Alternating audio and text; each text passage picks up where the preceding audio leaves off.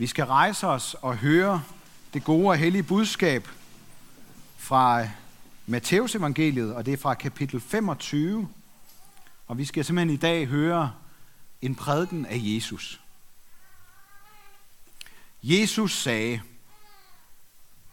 når menneskesønnen kommer i sin herlighed, og alle englene med ham, der skal han tage sæde på sin herlighedstrone, og alle folkeslagene skal samles foran ham. Og han skal skille dem, som en hyrde skiller forne fra bukken. Forne skal han stille ved sin højre side, og bukkene ved sin venstre. Der skal kongen sige til dem ved sin højre side, Kom, I som er min fars velsignede, og tag det rige arv, som er bestemt for jer, siden verden blev grundlagt. For jeg var sulten, og I gav mig, ikke noget, og I gav mig noget at spise. Jeg var tørstig, og I gav mig noget at drikke. Jeg var fremmed, og I tog imod mig. Jeg var nøgen, og I gav mig tøj. Jeg var syg, og I tog jer af mig. Jeg var i fængsel, og I besøgte mig. Der skal de retfærdige sige, Herre, hvornår så vi dig sulten og gav dig noget at spise, eller tørstig og gav dig noget at drikke? Hvornår så vi dig som en fremmed og tog imod dig, eller så dig nøgen og gav dig tøj? Hvornår så vi dig syg eller i fængsel og besøgte dig? Og kongen vil svare dem. Sandelig siger jeg jer. Alt hvad I har gjort mod en af disse mine mindste brødre, det har I gjort mod mig. Der skal han også sige til dem ved sin venstre side, Gå bort fra mig, I forbandet til den evige ild, som er bestemt for djævlen og hans engle. For jeg var sulten, og I gav mig ikke noget at spise. Jeg var tørstig, og I gav mig ikke noget at drikke. Jeg var fremmed, og I tog ikke imod mig. Jeg var nøgen, og I gav mig ikke tøj. Jeg var syg og i fængsel, og I så ikke til mig. Der skal også de sige til ham, Herre, hvornår så vi dig sulten eller tørstig eller fremmed eller nøgen eller syg eller i fængsel, uden at vi hjalp dig? Der skal han svare dem. Sandelig siger jeg jer. ja. Alt hvad I ikke har gjort mod en af disse mindste, det har I heller ikke gjort mod mig. Og de skal gå bort til evig straf, men de retfærdige til evigt liv. Amen.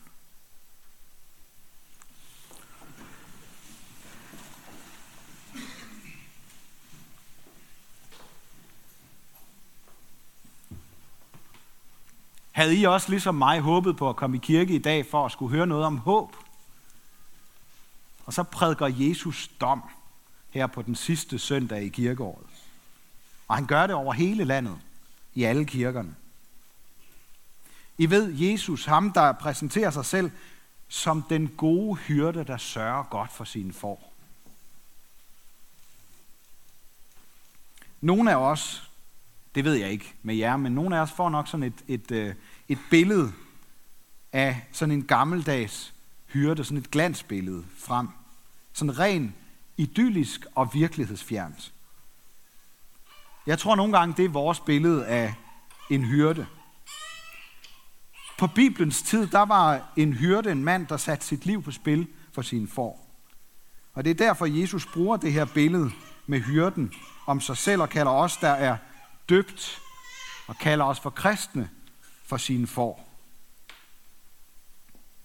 Men i dag er det som om den trøstende hyrde viser sig at være ham, der skal dømme levende og døde, som vi siger det i kirkens trosbekendelse. Der bliver sagt så meget i kirkerne. Og jeg tror, der bliver tænkt endnu mere.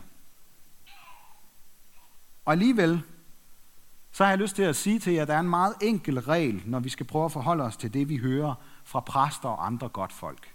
Mig selv inklusiv.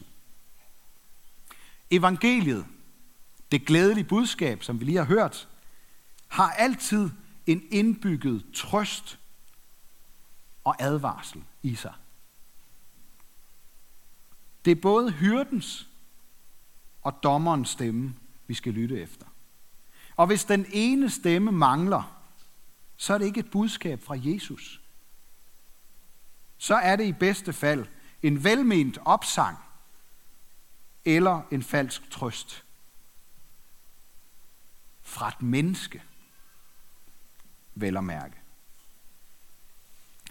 Vi må simpelthen ikke forfalde til at tro, at Jesus taler med to tunger eller spiller skuespil, når han prøver at sige noget til os.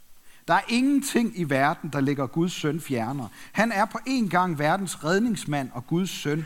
Han er både hyrde og dommer. Og som hyrde, så kan han være meget kontant over for dem, der vil gøre hans for ondt. Og advare sin for meget tydeligt om, at vi ikke skal gå væk fra ham. Alt sammen gør han i kærlighed til sine egne, dem han elsker. Og som dommer, der stiller han sig ikke bare op og anklager mennesker for at lade som om, de hører til hos ham, ved at kalde dem bukke og sende dem væk. Som dommer, der forsvarer han også sin for ved at tale deres sag og sætte livet på spil for deres skyld. Ikke kun med flotte ord og løfter, men ved at ofre sit liv. Og alt sammen gør han i kærlighedens navn. Fordi han elsker sin flok.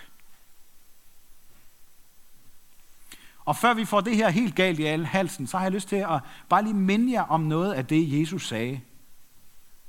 Han sagde, at det med fortabelsen, det sted væk fra Gud, uden fællesskab med ham, det er ikke bestemt for en eneste af os. Det er bestemt for djævlen og hans engle. Så det er en fejl, hvis mennesker ender der. Det er ikke det, Gud ønsker. Det er ikke det, Jesus vil. Jeg ved ikke, hvordan I har det, men når Jesus er så tydelig i det, han gerne vil sige til os. Han siger det fuldstændig lige ud. Nogen kommer med, mens andre ikke gør.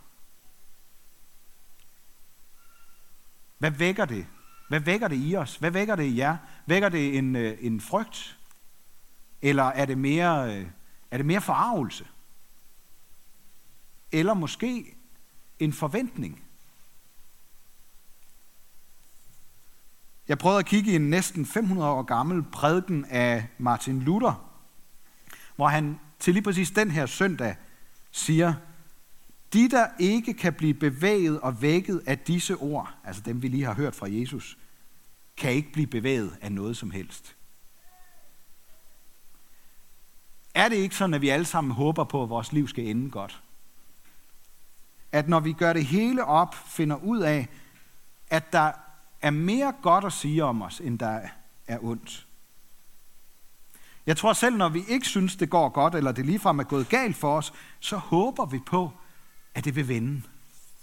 Så længe vi lever, er der håb, siger man. I dag der vil jeg gerne sige det på en lidt anden måde. Så længe vi lader os bevæge, er der håb. Frygten for den yderste dag kan lamme os, så vi ikke længere tør håbe eller lade os bevæge, eller ganske enkelt måske fortrænger det at holde op med at snakke om det.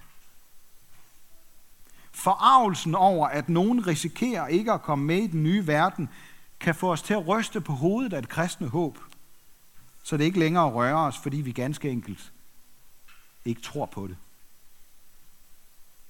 Lige meget hvad, så tyder meget på, at vi ikke helt kan lade være med at blive, væget, blive bevæget af det og håbe. Når mennesker, der ikke tror på et evigt godt liv efter døden, står ved en grav, så vil de fleste ønske, at der findes noget mere, også selvom man ikke tror på det. Og når vi snakker om øh, klimaet, eller ser en eller anden øh, fremtidsfilm, sådan en katastrofefilm, så bevæger det mange af os at tænke på, at verden går under. Det er fordi det at leve, tror jeg, indebærer forventninger til fremtiden. Sådan er det at være menneske. Når vi lever, så forventer vi noget af det, der ligger foran os. Lidt eller meget. Men alle vores egne menneskelige håb, dem alle sammen, og vores spekulationer om fremtiden, de har en deadline. Når jeg ser en fodboldkamp og håber på, at det ene hold vinder, så øh, kan mit håb være stærkere eller svagere, alt efter hvordan det går i kampen.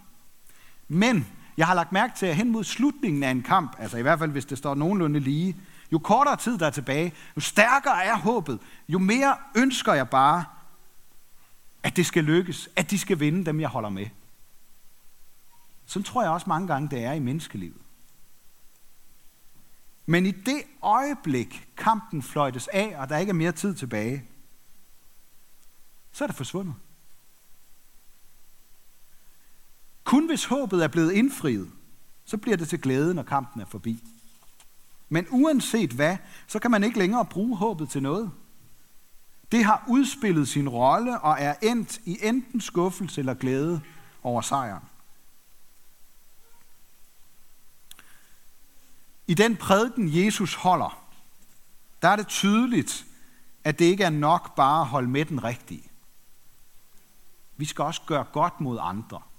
Det tror jeg ikke, der er en eneste af os, der er i tvivl om, efter at have hørt det. Og straks så tændes der et håb i os. Vi kan gøre noget.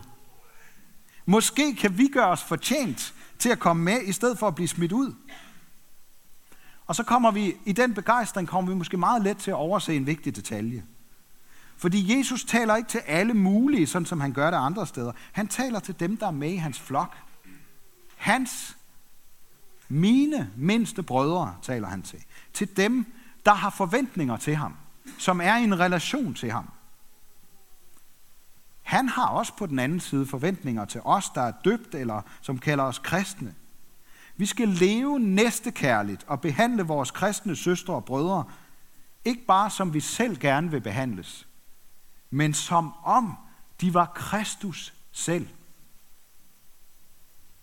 Og på den måde så giver det pludselig bedre mening, at vi skal tilgive hinanden uendeligt mange gange, fordi vi jo selv er blevet tilgivet uendelig meget af Jesus.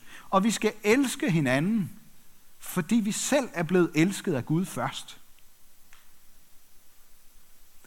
Vores håb ligger ikke i, at vi har en chance for at leve et bedre liv i morgen, eller hvis vi tager sammen, eller hvis vi får hjælp til det. Håbet, vores håb, det levende håb, det udspringer af, at vi er elsket og tilgivet af Gud.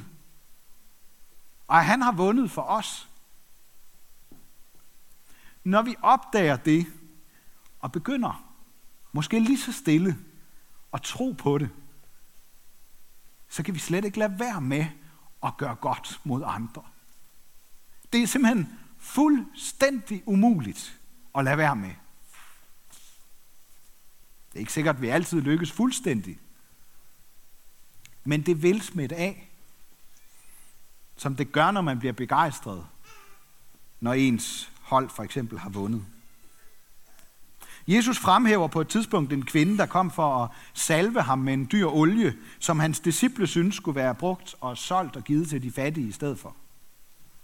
Men det underlige er, at Jesus roser hende, fordi hun gjorde en god gerning mod ham, der elskede hende og havde tilgivet hende alt. Og i søndags, der kunne man høre Jesus fortælle om en mand, der ikke ville tilgive sin medtjener, til trods for, at han selv havde fået tilgivet meget mere selv. En anden situation, som på samme måde som den med kvinden, kan kaste lys over, hvordan vi skal forstå det med troen og vores gode gerninger. Hvis vi gør godt i håb om belønning, og, og, og gør bare det, det er ikke fordi, jeg vil øh, sige, at vi ikke skal det. Hvis vi gør godt i, i håb om belønning, så får vi kun det gode i sig selv ud af det. Det er sådan set fint nok. Men gør vi det i kærlighed til et andet menneske, så vender det tilbage til os med velsignelse. Og gør vi det i kærlighed til ham, der giver os håb, så bliver det til evig glæde. Kender I til det der med at lukke øjnene for døden? Altså, lukke øjnene for vores egen personlige deadline.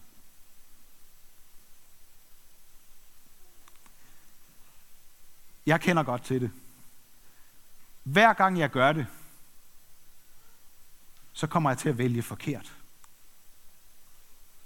Så går jeg op i, måske kender I det, så går jeg op i alt muligt der i virkeligheden ikke er særlig vigtigt. Fordi jeg bilder mig ind, at jeg har jo masser af tid til at nå det vigtige senere. Lukker øjnene for døden. Findes der noget mere vigtigt end at give håb til mennesker, der mangler det? Det var det, Jesus hele tiden var optaget af. At åbne menneskers øjne, der havde lukket dem. Fordi han vidste, at vores eget håb har det med at udløbe. Jeg er godt klar over, at det kan være svært at høre på, når Jesus fortæller, hvordan han vil skille for fra bukke. Jeg synes, det er, det er et skræmmende billede. Men så vil jeg godt lige øh, ind i det her give et godt råd. Hvis jeg for eksempel får at vide, at jeg burde være mere kærlig og hjælpsom af en, jeg ikke kender, så har jeg faktisk svært ved at høre på det. Bland dig udenom. Det, hvad, hvad, hvorfor skal du sige sådan noget til mig?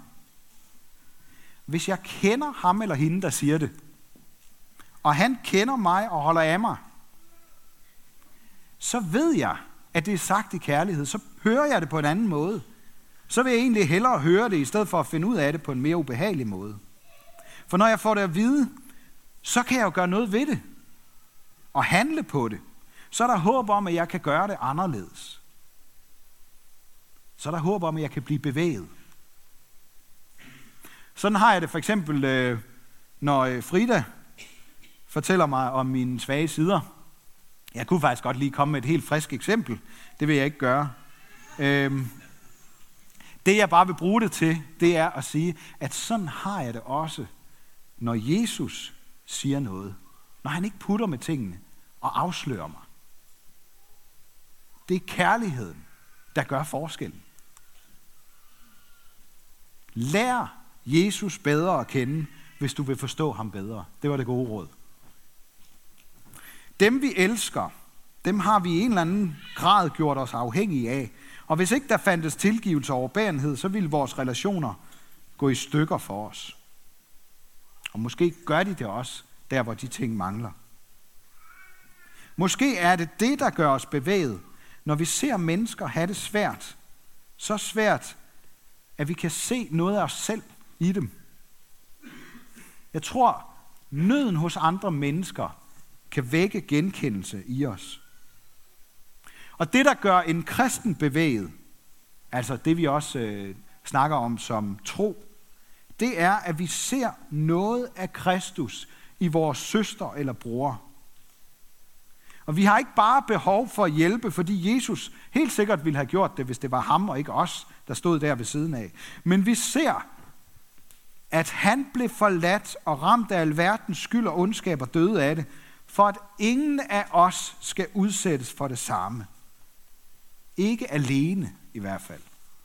Vi blev reddet fra dommen, for at vi skal sætte mennesker fri fra andres og egne domme. Og det eneste sted, vi kan blive helt fri, det er der, hvor Jesus bærer dommen og straffen for os og elsker os helt ind bag håbets deadline. I Johannes evangeliet, der siger Jesus, at alle, der sætter deres håb til ham, allerede er gået over fra døden til livet og kommer ikke for dommen. Frygten for forarvelsen over den endelige dom kan i mødet med Jesus Kristus blive vendt til forventning, hvis troens under sker. Og jeg lurer på, om det kristne håb i virkeligheden er med til igen og igen og vender os om fra det, der ligger os mest naturligt, eller som sniger sig ind på os så let. Frygt, forarvelse og måske ligefrem håbløshed. Gudske lov bliver vi ikke henvist til at håbe det bedste, som i så mange andre religioner. Vi får lov til at håbe på ham, der allerede har vundet og ført os over i sit rige, da vi blev døbt. Og det er der ingen god grund til at stille sig udenfor. Og alverdens gode grunde til at gå ind i med fornyet håb, uanset hvad du kommer fra, eller hvad du står midt i lige nu. Kom I som er min fars velsignede, og tag det rige arv, som er bestemt for jer, siden verden blev grundlagt, siger Jesus. Tag imod det håb før deadline. Jeg tror ikke, vi kan komme med nogen vigtigere opfordring til hinanden end lige præcis det. Ære være Gud, vores far, der har skabt os i sit billede. Ære være Guds søn, der tog vores straf, så vi kan slippe fri. Ære være Helligånden, ham der gør Guds kærlighed levende for os.